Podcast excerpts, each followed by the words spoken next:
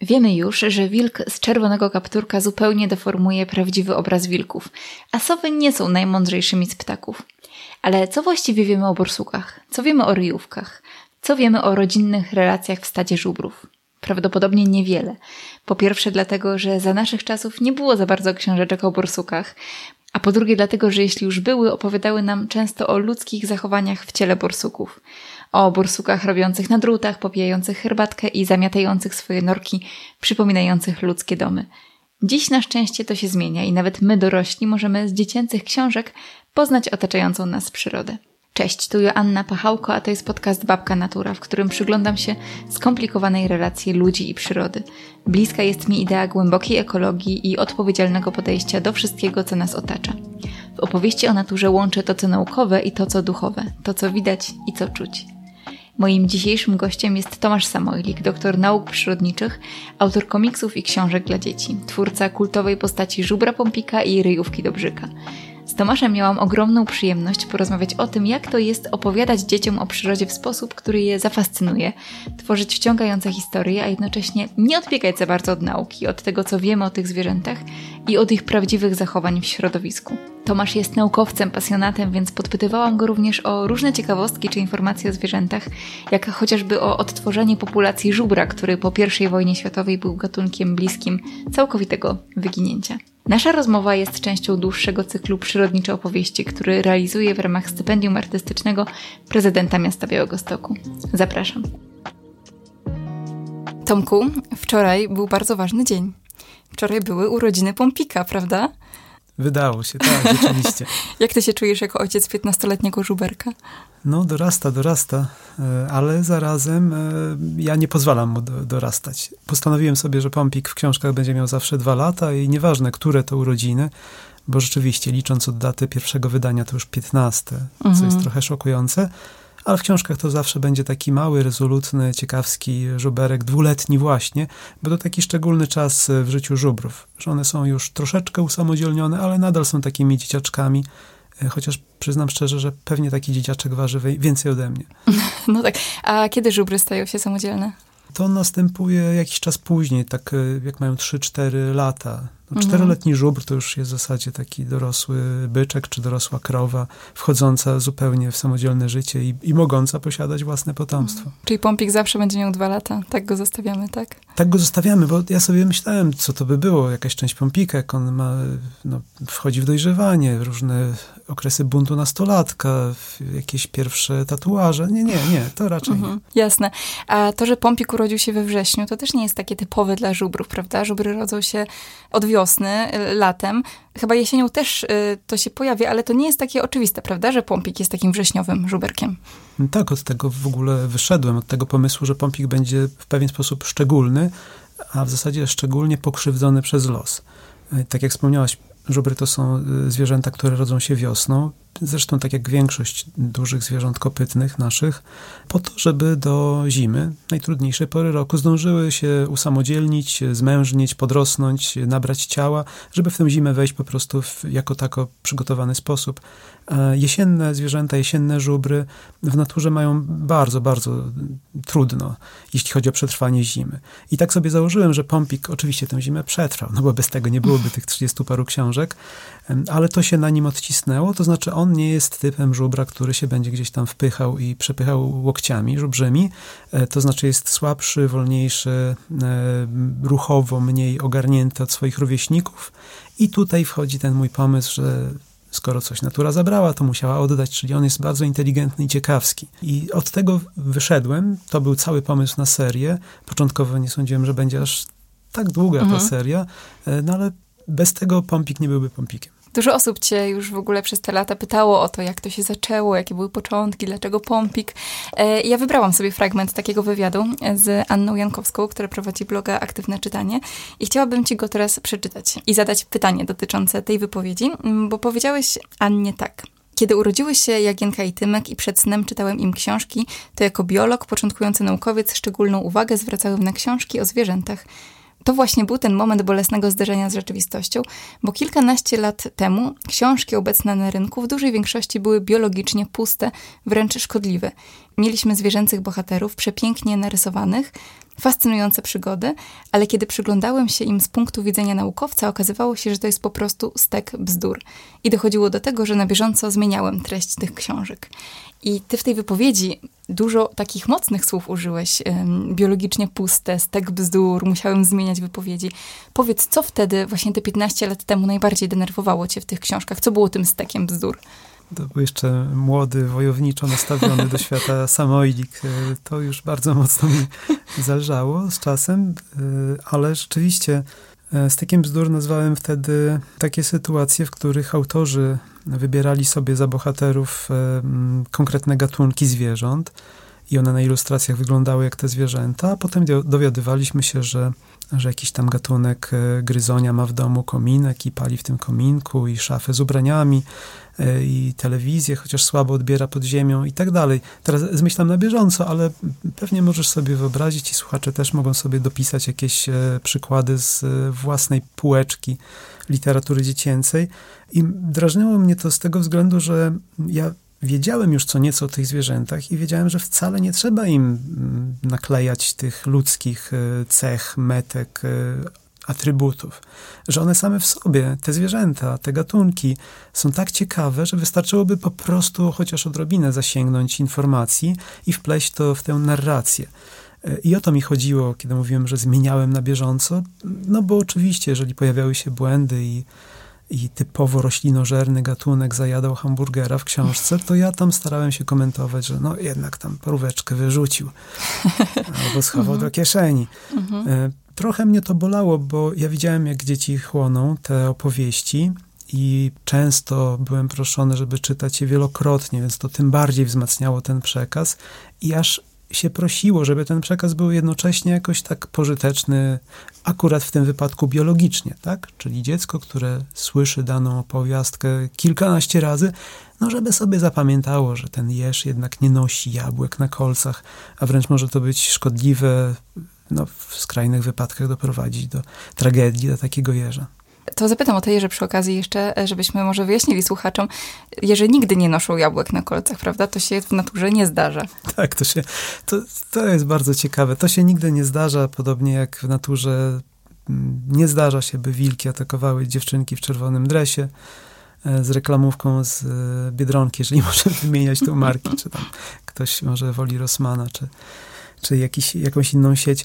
E, jest, jest wiele tego typu właśnie takich baśniowych, bajkowych przekłamań, które bardzo mocno tkwią w nas i to najlepiej widać no, z jednej strony po wykorzystywaniu tego biednego jeża na różnych grafikach, zawsze z jabłkiem, a z drugiej strony czerwony kapturek jest koronnym dowodem na to, że bardzo głęboko wdrukowuje się w nas e, lęk czy, czy nienawiść wobec drapieżników, zwłaszcza wilka. Ja w ogóle, kiedy myślałam o naszej rozmowie, to zaczęłam się zastanawiać, że baśnie albo takie bajki e, kiedyś przekazywane no, miały tak naprawdę dwa cele. Z jednej strony uczyły nas moralności, dzieci właściwie uczyły tej moralności, jakichś postaw społecznie akceptowanych. Z drugiej strony wykorzystywały zwierzęta jako właśnie alegorie, metafory, e, metaforyczne przedstawienie pewnych ludzkich przywar, tak? Albo ludzkich cech, które powinno się potępiać, jakaś tam chciwość, nienawiść, e, różne, różne takie trudne, trudne emocje. I mam teraz wrażenie, że, że teraz, w tym XXI wieku, w 2023 roku, to jest podwójnie złe już w tym momencie, prawda? Bo z jednej strony inaczej trochę już uczymy o moralności i inne rzeczy przekazujemy dzieciom, a z drugiej strony to, w jaki sposób były przedstawione zwierzęta, zakodowało nam, że te zwierzęta takie są. To jest dosyć paradoksalne, prawda, że my nie myśleliśmy o tym, że to jest tylko bajka. To przecież tak się nie dzieje w rzeczywistości. To się tak wdrukowuje, że my później, i do, do, dzisiaj tak jest, prawda, my myślimy o wilkach, że one są właśnie krwiożerczymi bestiami. W ogóle jakie zwierzę według ciebie najbardziej oberwało, jeśli chodzi o, o taki przekaz? Czy to właśnie wilki, czy coś innego? W zasadzie każde zwierzę, które zostało uprzedmiotowione w ten sposób, oberwało. Bo, bo czy, czy mówimy o sprytnym lisie, czy tym krzyżerczym wilku, e, nie wiem, mądrej sowie, to, to zawsze jest w pewien sposób krzywdzo, krzywdzące, bo właśnie wydrukowuje w jakiś taki schemat myślenia w nasze głowy I potem już nawet jako dorosłe osoby. Zresztą ja też nie jestem bez winy. Ja też się muszę tego oduczyć i otrząsnąć z tego wdrukowania. E, często oceniam zwierzęta przez pryzmat tego, co o nich e, wiedziałem jako przedszkolak. I bardzo trudno mi uwierzyć, że ta sowa nie jest aż taka mądra, jak się, jak się właśnie pisze w baśniach, a ten lis no, jest bardziej pocieszny niż sprytny. E, chociaż sprytu generalnie zwierzętom nie można odmówić, inteligencji również, możliwości przystosowania się do najróżniejszych sytuacji, no ale tak czy inaczej, przyklejanie im łatek przez nas, dopasowywanie do cech charakteru, było generalnie dosyć słabym posunięciem. I myślę, chociaż to pewnie temat na odrębną rozmowę, że bardzo podobnie działo się w baśniach, klasycznych opowieściach, również z płciami. Mhm. Również kobietom i mężczyznom dopisywano, przyklejano łatki i to również pokutuje cały czas jeszcze, jak widzimy dookoła. I ja mam tutaj na e, stoliku mm, twoje dwie książki, mm, właściwie trzy, bo żubra mam mm, dwie książeczki. E, żubr Pompik Wyprawy, e, a pod spodem leży Tarmosia. I tak mi się właśnie te wilki skojarzyły z Tarmosią, bo w Tarmosie jest taki fragment. Tam wilki występują dość na wielu stronach i, i sporo jest tej historii o wilkach, ale był tam taki fragment, który bardzo mnie dotknął i wzruszył.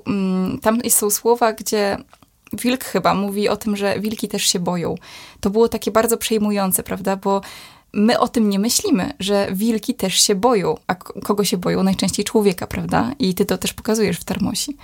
Mm, tak, bardzo, bardzo Ci dziękuję, że przywołałaś ten e, fragment, e, bo Tarmosia to z jednej strony jest to powieść e, o bardzo słodkich borsukach.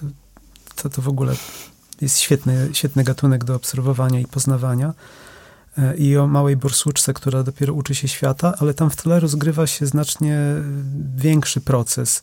I e, te wilki początkowo Tarmosi, naszej bohaterce, jawią się tak, jak jawią się naszym dzieciom, jako krwiożercze, złe bestie, no bo to właśnie, e, tego właśnie Tarmosia się dowiaduje również z opowieści swoich rodziców i dopiero z biegiem czasu i wraz z własnymi doświadczeniami musi się przekonać, że to nie do końca tak jest E, że, że czasami nam się po prostu wydaje, czasami jesteśmy bardzo szybcy w e, ocenianiu kogoś, a wystarczy się zastanowić, spojrzeć, e, pomyśleć i, i rzeczywiście ta, ten obraz się zmienia, ewoluuje. A powiedz, czy rzeczywiście jest tak, że te zwierzęta, tak jak w Termosie, rywalizują o nory? Tak to, że się dzieje w rzeczywistości? Że tutaj wilki zajmują nory borsucze, wprowadzają się tam lisy i jednoty?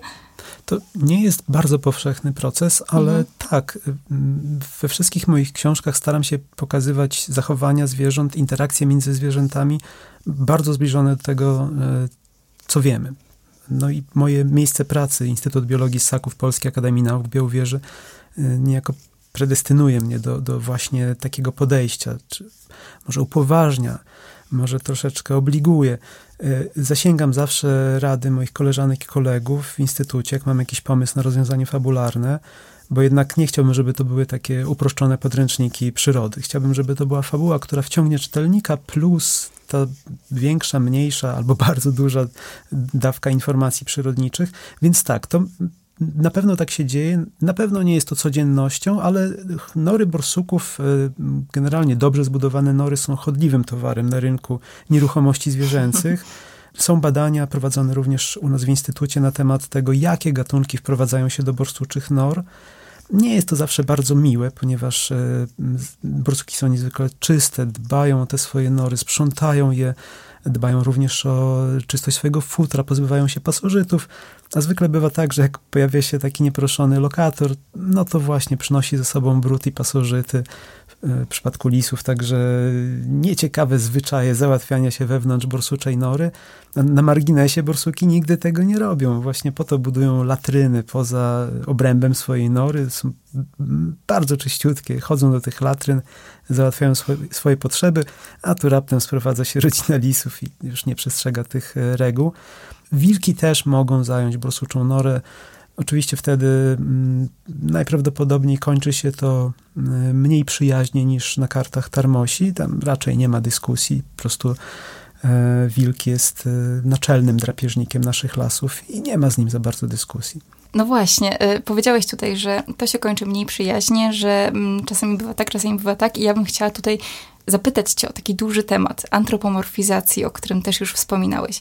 Bo ja mam wrażenie, że to jest bardzo trudne, tak z perspektywy naukowca, napisać książkę, która będzie naukowo dobra i naukowo spójna z tym, co wiemy na temat zwierząt, a jednocześnie pisząc książki dla dzieci, my w jakiś sposób musimy te cechy ludzkie, przynajmniej częściowo, nadawać zwierzętom, prawda, żeby ta fabuła do dzieci przemówiła. Ty już masz to doświadczenie na przestrzeni kilkunastu lat. Powiedz, czy to po pierwsze się u ciebie zmieniało? Czy wyznaczasz sobie jakieś granice, jeśli chodzi o tą antrop antropomorfizację? Na ile sobie pozwalasz tutaj, a na ile trzymasz się takich sztywnych naukowych ram, czy to jest bardziej takie płynne? To jest bardzo trudne, to jest balansowanie na linie, bo z jednej strony chciałbym, żeby dzieci polubiły bohaterów i troszeczkę odnalazły w nich siebie, swoich rodziców, kolegów, generalnie ludzi, a z drugiej strony też nie chcę się wystawić na strzał e, z mojej własnej broni, bo przecież powiedziałem, że mnie denerwowało to, że ktoś przylepiał te łatki i no, wręcz czynił ze zwierzęcych bohaterów ludzi, tylko że w zwierzęcej masce. I to rzeczywiście miałem na początku takie ambitne postanowienie, że absolutnie nie będę pozwalał sobie na zbytnie upodobnianie moich bohaterów do ludzi. Tak było w przypadku Pompika, który i opisywany jest w sposób raczej trzymający się tego, jak te zwierzęta e, się zachowują, co jedzą, jakie mają wymagania środowiskowe, też poniekąd e, jak się wobec siebie nawzajem zachowują. No, tu muszę się przyznać do pewnego przekłamania obecnego już od pierwszej historii o Pompiku. E, tatuś żubr zwykle nie jest obecny w życiu swoich dzieci. Mhm. Jednak żubry to są takie, takie facety, e, które po prostu sobie idą i nic więcej ich nie obchodzi, a mi zależało na tym, żeby pomruk jednak troszeczkę spełniał ten archetyp ojca, który może nie jest super aktywnie zaangażowany w rozwój swoich dzieci, ale jest zawsze obecny. Zawsze jest tam w tle. Wydaje się, że on tylko mruczy i przeżuwa kolejne e, leśne zioła czy inne przysmaki, ale on zawsze ma oko na swoje dzieci i w kilku historiach pokazałem, że w razie potrzeby to on pierwszy jest e, do pomocy. Potem to się zmieniało, tak jak powiedziałaś, bo na przykład wpadłem na pomysł komiksu fantazy o ryjówkach. I zasadniczy Problem polegał na tym, że przedstawienie fabuły fantazy bez ubrania ryjówek w stroje kojarzące się nam ze średniowieczem był dosyć karkołomny. Czy bez wręczenia głównemu bohaterowi jakiegoś artefaktu, w tym wypadku zardzewiałego gwoździa, no to musiało nastąpić, więc tu ta granica się przesunęła, ale z jednej strony sam sobie wytłumaczyłem, że okej, okay, ja to wszystko odpracuję, ponieważ ten komiks wyposażę w bardzo obfite przypisy, mhm. gdzie się wyspowiadam z tego wszystkiego, co zrobiłem, ale jednocześnie dam ogromną pigułę rzetelnej wiedzy o ryjówkach, które znowu są fascynującym, fantastycznym gatunkiem. Cała rodzina ryjówkowatych bardzo polecam, bo można się zagubić, zatopić w tych ciekawostkach, które są związane z ryjówkami. Wracając do Pompika, Pompika jego rodzinę rysuje realistycznie w tym sensie, że no, nie noszą spodni i, e, i w ogóle nie pojawiają się, e, zauważ, w książkach pompikowych żadne elementy związane z człowiekiem. Tak, to prawda. W komiksach jest y, tych elementów y, trochę więcej, ale tam z kolei usprawiedliwieniem dla mnie jest to, że człowiek pojawia się jako element zaburzający naturalny porządek i te, te rzeczy, twory człowieka, obecność samego człowieka y, w ryjówce, w serii Umarły Las, który robimy z Adamem Wajrakiem, czy w ostatniej serii o detektywie Wróblu, to tam człowiek i, i, jego wytwory to jest ten element, z którym zwierzęta muszą się zmierzyć jako wyzwaniem, no tak, w przypadku ryjówek jest to wyzwanie, w przypadku detektywa wróbla jest to pokusa. No, nie spoilując za dużo, mogę tyle powiedzieć. No właśnie, ale zobacz, że jednak jest tak, że ten człowiek nie jest jakimś pożądanym elementem w ogóle w tym świecie zwierząt, prawda?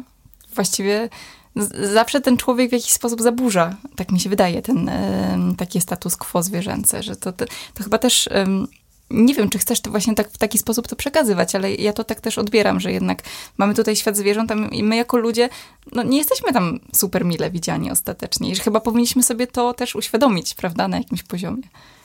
No, mój przekaz jest taki, że dopóki nie uświadomimy sobie, że jesteśmy gośćmi w świecie zwierzęcym, to po prostu będziemy szkodzić. Świadomie, nieświadomie, tak jak dziadek y, zwany przez ryjówki mrocznym nieprzyjacielem, a będący po prostu dziadkiem niedoinformowanym i niewiedzącym, że w lesie nie należy zostawiać śmieci. Mhm.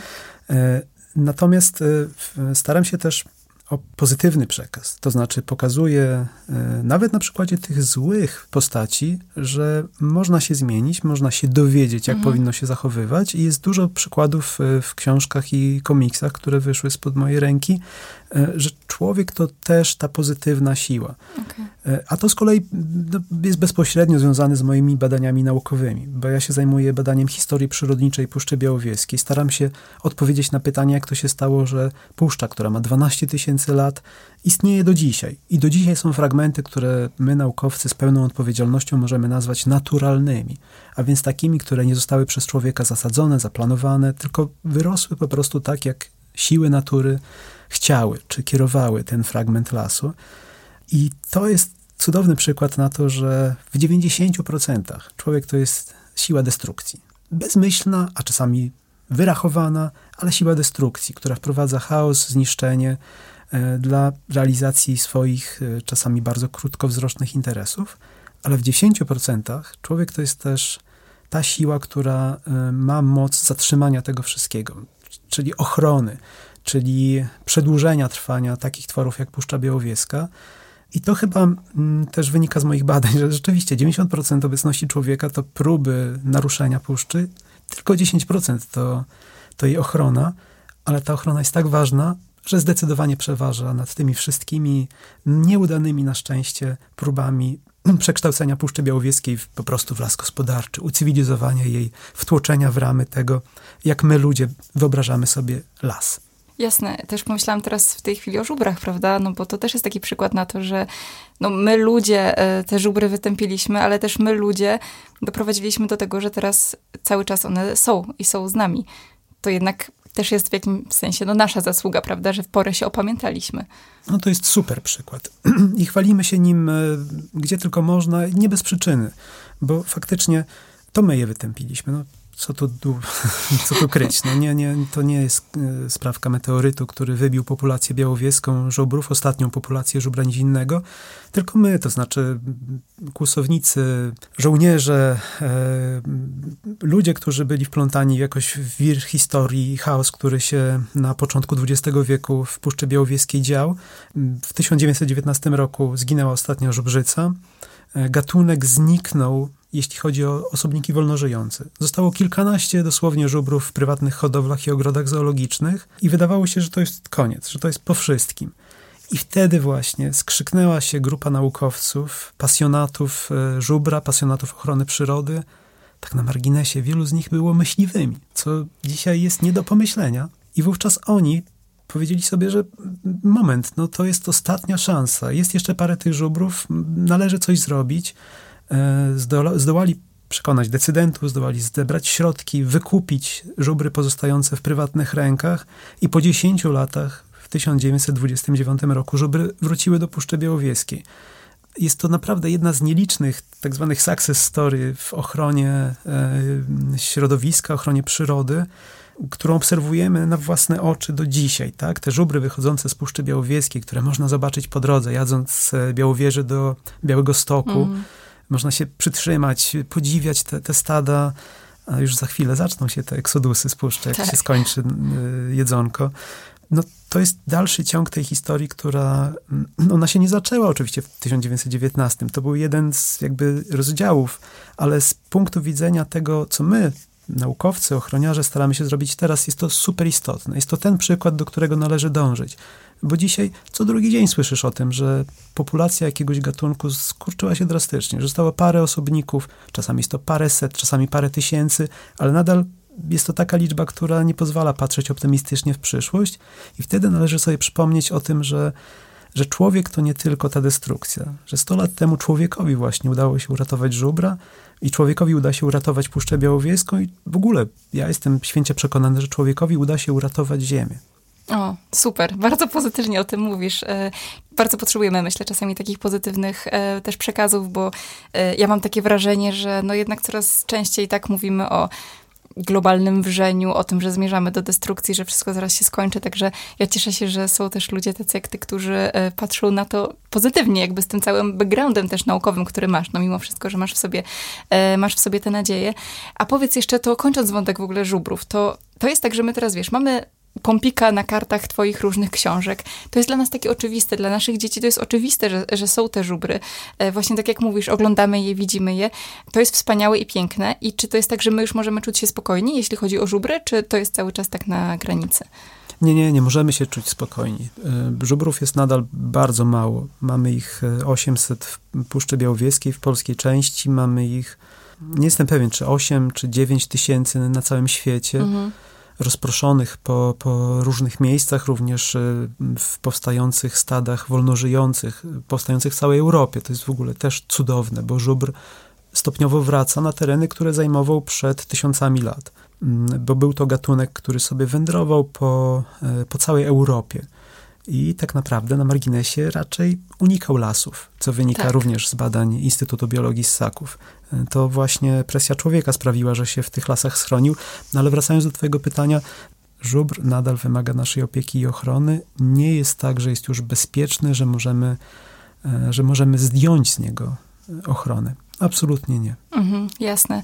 E, no dobra, to wiesz co, teraz e, chciałabym jeszcze jeden cytat e, przeczytać. To jest cytat Anny Przecławskiej, która była naukowczynią, badaczką, badała literaturę dziecięcą i młodzieżową. I Anna napisała kiedyś tak. Książka wydaje się najtrwalszą i najskuteczniejszą formą przekazania tego wszystkiego, co pokolenie dorosłe ma do powiedzenia swoim następcom. I jak ty sobie myślisz właśnie o tych swoich książkach um, licznych już, to co nimi chciałbyś właśnie przekazać e, dzieciakom, które to czytają? Z jednej strony bardzo dużo rzeczy. No bo tam są westerny, tam są opowieści fantazy, jakieś e, kryminały, czy, czy familijne opowieści o Pompiku, więc jeśli chodzi o fabuły, to no rety, mam głowę pełną mhm. pomysłów, mm. ale tak naprawdę jak się zastanowisz, to to wszystko sprowadza się chyba do dosyć prostej myśli, że my po prostu jesteśmy wielkimi szczęściarzami, że mamy tę przebogatą, cudowną i dającą nam życie przyrodę na wyciągnięcie ręki i że wreszcie powinniśmy zacząć to doceniać. To znaczy nie traktować przyrody jako przedmiotu danego nam, który mamy prawo czy wręcz obowiązek wykorzystać i wycisnąć ostatnią kropelkę. Wręcz przeciwnie. E, poczuć się jak goście w tym cudownym świecie i zachowywać się jak, jak gość, taki, którego my sami chcielibyśmy zaprosić do domu. Takiego, który podchodzi do nas z szacunkiem, który jest pełen podziwu dla tego, co, co mamy, co zgromadziliśmy, co chcemy mu pokazać i czym chcemy się podzielić, a który też, kiedy się odwrócimy, no nie zacznie wkładać do kieszeni wszystkiego, co mu się podoba. Taka no dziwna tak. metafora, ale, ale to trochę tak jest, że człowiek wpuszczony do przyrody od samego chyba początku, od zarania dziejów, e, podchodził do niej jak do zasobu. Bardzo mi to przeszkadza i bardzo chciałbym to zmienić. Bardzo chciałbym, żeby czytelnicy moich książek zafascynowali się przyrodą, zakochali się w niej, bo jeżeli to nastąpi, to w ogóle nie mam żadnych wątpliwości, że jako dorośli ludzie zrobią wszystko, żeby tę, tę przyrodę chronić. Cokolwiek z niej zostanie do tego momentu. Piękne jest też to, że właśnie ty opisujesz zwierzęta, które występują u nas. I ja sobie myślę, że nawet to dla nas dorosłych to nie jest oczywiste. Na przykład jak wyglądają kuny, a jak wyglądają ryjówki, e, jak wyglądają jenoty. Wiesz, my tego nie wiemy. Wydaje się, że to jest takie jasne i oczywiste, ale kiedy oglądamy sobie nawet te obrazki albo czytamy o tych zwierzętach, to my tego po prostu nikt nas tego nie uczył i my też sami tego nie sprawdzaliśmy w przyrodzie, bo też nie, nie, nie eksplorowaliśmy jej tak bardzo, jakbyśmy pewnie mogli. I teraz mi się przypominają jeszcze takie mm, badania, które przytoczył Richard Luff w książce Ostatnie dziecko lasu. On nam chyba nie podał nawet źródła tych badań, ale powiedział, że kiedyś zbadano ośmiolatków w Wielkiej Brytanii oni lepiej znali Pokémony e, niż zwierzęta ze własnego podwórka. To było trochę przerażające, ale myślę sobie, że dosyć prawdziwe pewnie. Zakładam, że, że wiele dzieciaków wie lepiej to to jest Pikachu niż na przykład właśnie ryjówka. Ale też przy okazji mam taką myśl, że dorośli, czytając twoje książki, też mogą uczyć się właśnie o przyrodzie. Że nam dorosłym też dużo łatwiej wchodzi do głowy jakaś wiedza, kiedy ona jest obudowana w jakąś ciekawą historię, w jakąś ciekawą narrację, kiedy tam coś się dzieje. Zupełnie inaczej na przykład jest, kiedy czytam sobie mm, o żubrze Pompiku, który chodzi, mm, zwiedza różne parki narodowe i ja się dowiaduję z tych parków, jakie zwierzę jest w tym parku, dlaczego takie, a zupełnie inaczej jest, kiedy ja musiałam wykuć na przyrodzie, że mm, logotypem mm, takiego a takiego parku jest taki takie zwierzę. prawda? Czy ty też na przykład masz takie głosy od, od czytelników, że dorosłym ludziom również pomagają twoje książki? Tak, ma, mam takie głosy, ale wiesz co, ty sama to świetnie ujęłaś. No właśnie, musiałaś wykuć na przyrodzie. I to jest ta różnica, że my tę wiedzę mamy na wyciągnięcie ręki, ale no ona jest nam wkładana na siłę do głowy i ja się nie dziwię, że dorośli ludzie nie rozróżniają e, tchórza od gronostaja, czy jenota, czy norki, czy kłuny domowej, leśnej. No po prostu to wszystko jest e, niestety zatrute przez ten sposób uczenia nas e, tego. I, I, ja się bardzo cieszę, kiedy właśnie takie głosy do mnie przychodzą, że ktoś dorosły pisze, że czytając dziecku dopiero się dowiedział, że ryjówka to jest cała rodzina, że to nie jest tylko jedna tam myszka, pseudomyszka biegająca wśród traw. To są fantastyczne momenty to pozwala mi też ciągnąć tę misję, bo wtedy jakby przykładam sobie mentalną piątkę czy żółwika i mówię, dobra robota, bo właśnie o to mi chodzi. Żeby ta fabuła wciągnęła dziecko, ale też dorosłego, który dziecku czyta do snu Pompika, czy Tarmosie, czy Bercie Jorsona, czy Ambarasa, czy komiksy. E, to wszystko robię z myślą o tym, że ma się dobrze bawić dzieciak, czy to będzie sześciolatek w przypadku Pompika, czy nastolatek w przypadku komiksów, ale też bardzo mi zależy na tym, żeby mm, mama, tatuś, e, dziadkowie, ktoś dorosły, kto to czyta dzieciom, odnalazł w tym coś dla siebie. Może to być wiedza, o której mówisz, ale też jest mnóstwo mrugnięć okiem. Tak, to Są prawda. sytuacje, są dialogi, są nawiązania do dzieł popkultury. No to, to jest oczywista oczywistość u, u takiej osoby jak ja, która jest zafascynowana Gwiezdnymi Wojnami, komiksami, Władcą Pierścieni e, czy komediami Barei ale jest, jest poza tym właśnie ta warstwa skierowana do dorosłego czytelnika, na przykład w języku, na przykład w interakcjach między poradą a pomrukiem. Y, dla dziecka jest to po prostu scena między rodzicami, a my wiemy trochę więcej, my wiemy lepiej i mam nadzieję, że my dorośli czytając to, bo na pewno ja dorosły pisząc to, możemy się uśmiechnąć po prostu w tym momencie. Tak, ja się uśmiecham, bo mi się przypomniało dialog z moim mężem, kiedy mm, był też dialog właśnie między poradą i pomrukiem i tam pomruk powiedział, bo ja chciałbym być czasem doceniony. I jakby mój mąż wtedy się zaśmiał z kuchni powiedział, ja też. Więc rzeczywiście jest tak, że ja czytam dziecku, ale przy okazji jakby tutaj dorośli mogą sobie um, puścić oko, no bo, bo też ta warstwa dla dorosłych tutaj e, też jest przekazana. Ja sobie też myślę, że właśnie w takich dłuższych książkach, na przykład jak Tarmosia, tutaj o której wspominamy, to też jest takie mm, dobry sposób na to, żeby dorośli weszli bardziej właśnie też w takie postrzeganie tego zwierzęcia, bo też mocno przejmująco opisałeś właśnie działalność człowieka w Tarmosi. To jak te bursuki boją się dźwięków, e, tych świateł, tego, co tam się dzieje i okazuje się, że tam się buduje szosa, prawda? I jakby z naszej perspektywy, no szosa, wy, wykarczowaliśmy kilka drzew, coś tam puściliśmy, asfalt po prostu, mm, no poszło, tak, trudno. No ale z perspektywy zwierząt to jest traumatyczne przeżycie. I właśnie w takich momentach przydaje się wejść w skórę tego zwierzęcia, no mimo, że jakby naukowo tego nie potrafimy, tak, no nie wiemy do końca, co czuje borsuk, ale e, rzeczywiście dla naszej wyobraźni i takiej wzbudzenia empatii to jest chyba potrzebne, prawda, żebyśmy spróbowali przez chwilę poczuć się tym borsukiem i pomyśleć, co się dzieje. Wiesz co, bo my nie wiemy, co czuje borsuk, ale wiemy dokładnie i to no, za pomocą naukowych narzędzi to badamy, co powoduje nasza obecność. Mhm. Czyli na przykład przecięcie kawałka lasu wybudowanie tam, wylanie asfaltu. My wiemy, jaki to ma wpływ, potrafimy to zmierzyć i w tych książkach e, pokazuje emocje zwierząt właśnie po to, żeby, żeby ten nasz naukowy przekaz wzmocnić.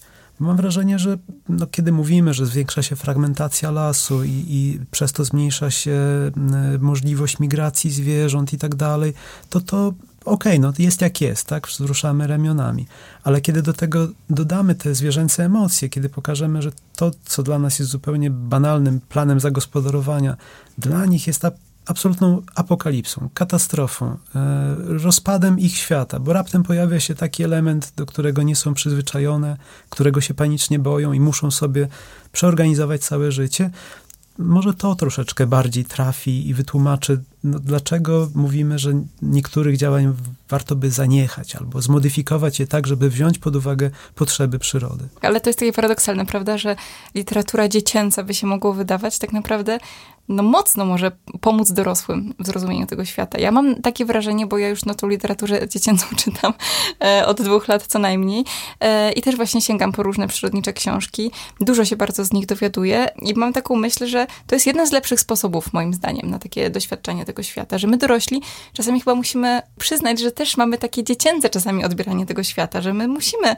empatyzować z czymś, żeby żeby zacząć to na przykład chronić. No bo nie mówiąc już o tym, że powinniśmy pewnie wyjść w przyrodę, wyjść do lasu i sami zobaczyć na własne oczy, co się dzieje, prawda? Tak, bardzo bym chciał, żebyśmy my dorośli potrafili czasem się zatrzymać i, i wrócić do tego, jak odbieraliśmy świat y, jako dzieci. Żebyśmy potrafili przyznać, że czegoś nie wiemy, ale chcemy się dowiedzieć, żebyśmy no, w pewnym momencie powiedzieli sobie, no ale o co my w ogóle walczymy? Dlaczego się bijemy? No, po prostu pocieszmy się razem. I u dzieci to jest takie super, że one przechodzą z tych faz e, jakiegoś e, wielkiego gniewu do, do absolutnej przyjaźni w mgnieniu oka.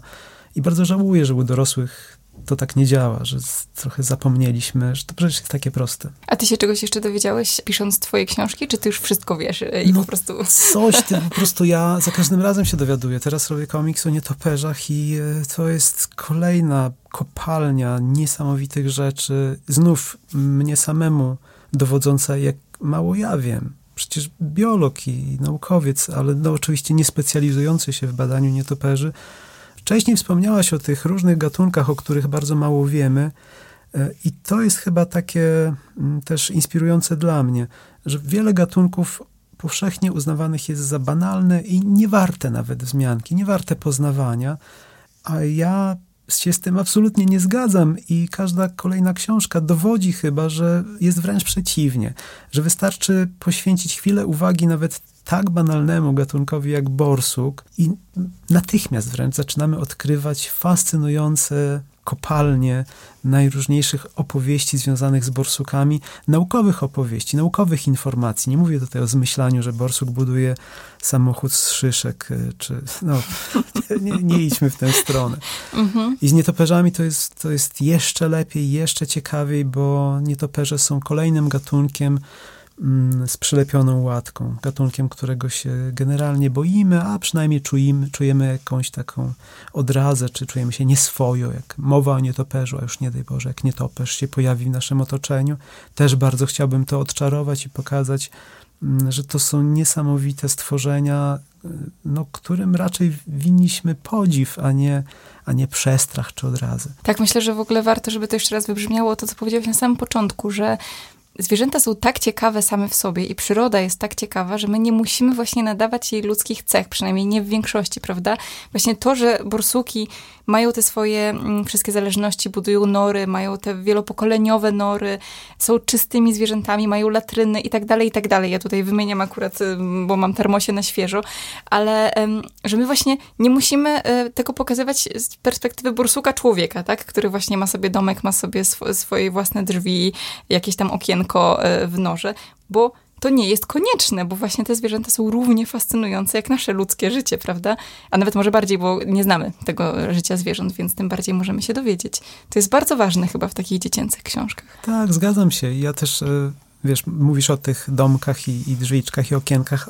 Bardzo o to walczę e, w przypadku ekranizacji ryjówki przeznaczenia, mhm. bo jednym z pomysłów było takie uczłowieczenie ryjówek, żeby żeby ta wersja kinowa mojego komiksu e, była trochę bardziej przystępna dla widza międzynarodowego. Więc jak to zrobić? Na przykład przekształcić grzyby w domki ryjówek z okienkami i drzwiami. No, strasznie walczyłem z tym pomysłem, bo mi się wydaje, że nie ma potrzeby, że, że Niech sobie smerfy mieszkają w domkach e, z grzybów, natomiast ryjówki mieszkają w norkach i to nie sprawia, że one są mniej ciekawe. Wręcz przeciwnie, to co w tych norkach potrafią e, zgromadzić, jak głębokie je kopać, jakie mają systemy ewakuacji z tych norek, to wszystko też warto poznać.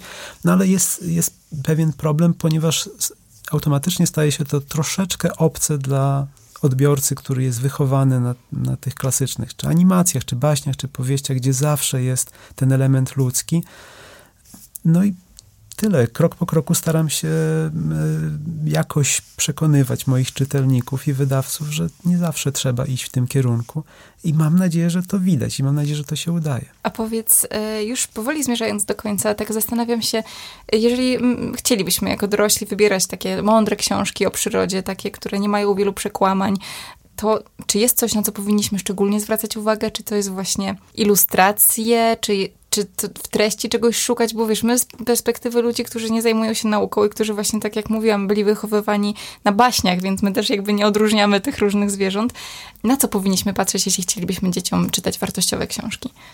Myślę, że trzeba je e, chociaż przekartkować i zorientować się, o czym one opowiadają. I e, myślę, że nawet osoba, która nie ma wielkiej wiedzy biologicznej, może w sobie wykształcić taki system alarmowy, system lampek, które nam się będą zapalać, kiedy, kiedy zobaczymy na przykład gatunek, o którym wiemy na 100%, że jest mięsożerny, przedstawiony w jakiejś dziwacznej sytuacji w książce, czy vice versa, no, wiewiórkę zajadającą hamburgera.